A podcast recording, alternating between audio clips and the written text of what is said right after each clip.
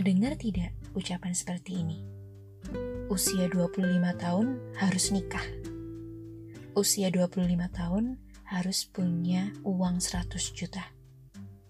Usia 25 tahun sudah harus hidup mapan. Atau lihat deh anak itu. Usia 21 tahun udah punya rumah. Usia 21 tahun udah mapan hidupnya. Dan lain-lain. Pasti pernah kan? Bahkan kita yang usianya baru menginjak usia 20-an sering banget dapat pernyataan seperti itu.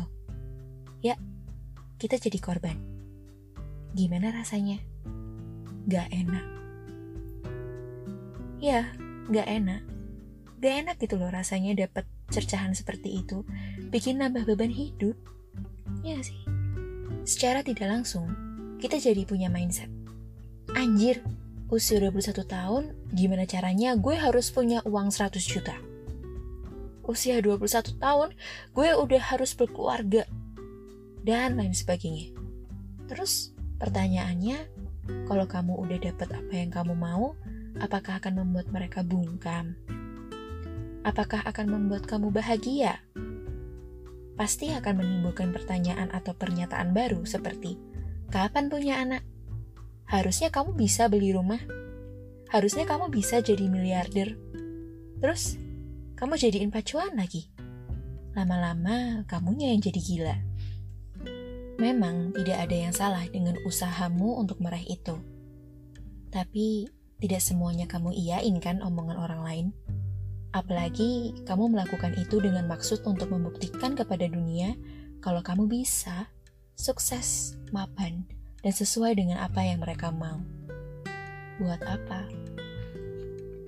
Kalau di usia 20, 21, 25 belum mencapai titik itu, menurutku tidak ada yang salah dengan itu.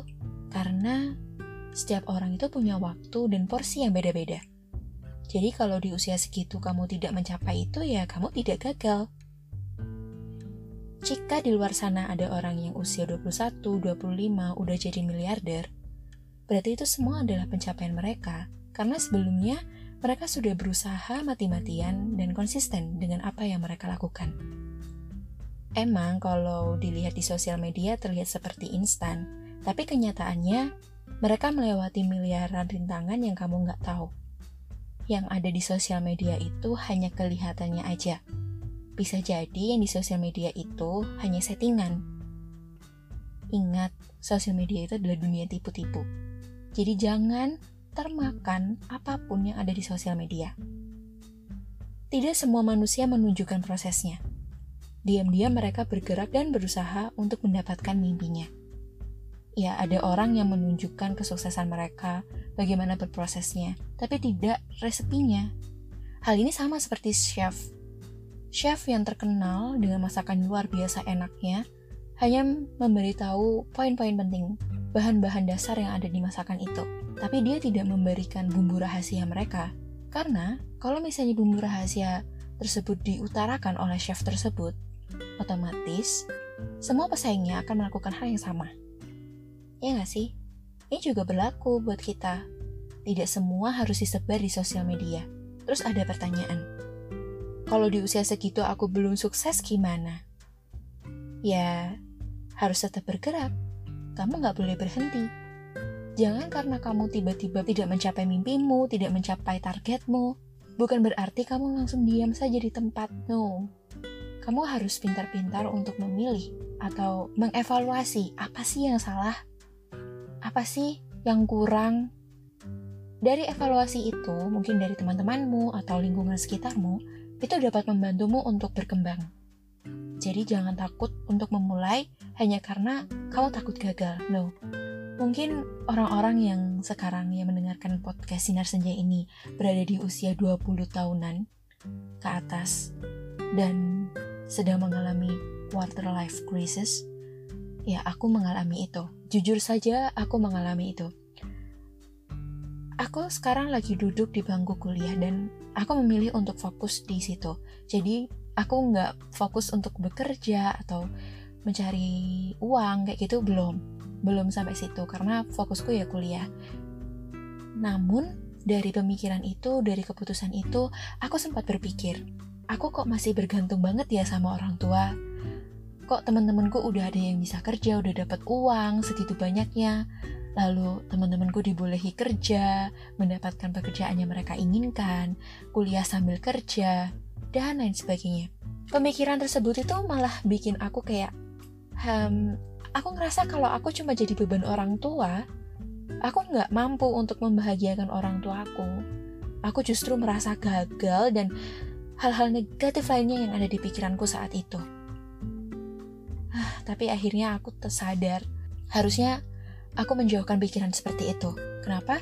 Kalau misalnya kamu fokus sama kehidupan orang lain, kamu nggak akan berkembang karena kamu merasa insecure, kamu merasa kurang. Tapi kamu nggak mencari apa ya yang kurang ya? Kamu nggak mengembangkan itu karena kamu merasa insecure. Kayak ada pemikiran, kok dia kaya sih? Kok dia bisa punya uang gitu? Hebat banget ya dia. Apalah daya aku yang kentang ini. Tapi kalau misalnya kamu fokus sama kehidupanmu sekarang, you will grow. Jauhkan pikiran itu. Saranku begitu. Fokus dulu dengan apa yang kamu usahakan sekarang. Fokus dulu dengan apa yang kamu lakukan sekarang. Lulus dulu dari perkuliahan tepat waktu, itu sudah sangat membuat orang tuamu bahagia. Gak usah jauh-jauh deh. Kamu sampai sekarang masih hidup, itu sudah membuat orang tuamu bahagia. Kamu membantu orang tuamu untuk mencuci piring, itu sudah membuat orang tuamu bahagia. Bahagia itu sederhana. Aku kasih tahu ya. Ada anak usia 20 tahun sudah memiliki aset triliunan. Ada anak usia 20 tahun sedang berusaha untuk merintih karir. Ada anak usia 20 memilih untuk fokus dalam kuliahnya sehingga terlihat masih bergantung dengan orang tuanya. Ada anak usia 20 tahun sedang berjuang mati-matian agar bisa merasakan duduk di bangku perkuliahan. Memang terdengar berbeda dan ada yang terdengar hebat, tapi semuanya memiliki porsi masing-masing dan waktu masing-masing. Suatu saat nanti, kamu akan mendapatkan apa yang kamu impikan dengan nilai yang sebanding dengan usahamu. Just keep swimming, kalau kata Dory. Kalau di usia sekian kamu belum dapat mencapai mimpimu atau mewujudkan tuntutan dari lingkunganmu, it's okay. Kamu tidak salah. Hidupmu tidak gagal. Hidupmu tetap berjalan, jadi kamu harus tetap berjalan kamu tidak boleh diam di tempat. Selagi kamu masih diberi kesempatan untuk bernafas, masih ada waktu, ruang, celah untuk kamu memperbaiki apa yang gagal. Setelah memperbaiki, ubah strateginya. Biasanya kalau misalnya orang-orang berperang, kalau misalnya strategi A itu gagal, mereka memilih untuk mundur sebentar lalu mengubah strateginya. Sama dengan kita. Kalau misalnya strategi yang kita lakukan untuk usaha kita itu gagal, yang pertama, kita harus mundur dulu. Otomatis kita jatuh kan? Jatuh. Tapi pas jatuh, jangan langsung diam, jangan nggak jangan nggak ngelanjutin apa yang kamu lakukan sebelumnya, tapi kamu harus ngelanjutin itu karena kamu sudah jatuh ke dalam air. Kalau kamu jatuh ke dalam air, jatuhlah setenggelam-tenggelamnya. Ketika kamu sampai di dasar, tendang dasar itu lalu kamu kembali ke atas. So, ubah strateginya. Cari dan evaluasi dari apa yang salah. Lalu benarkan itu, kemudian wujudkan mimpi tersebut dan ikut berperang lagi. Usia itu hanyalah sekedar angka. Nikmatin prosesnya, jangan terburu-buru untuk mengambil keputusan. Karena kalau kamu terburu-buru mengambil keputusan, hmm, konsekuensinya berat.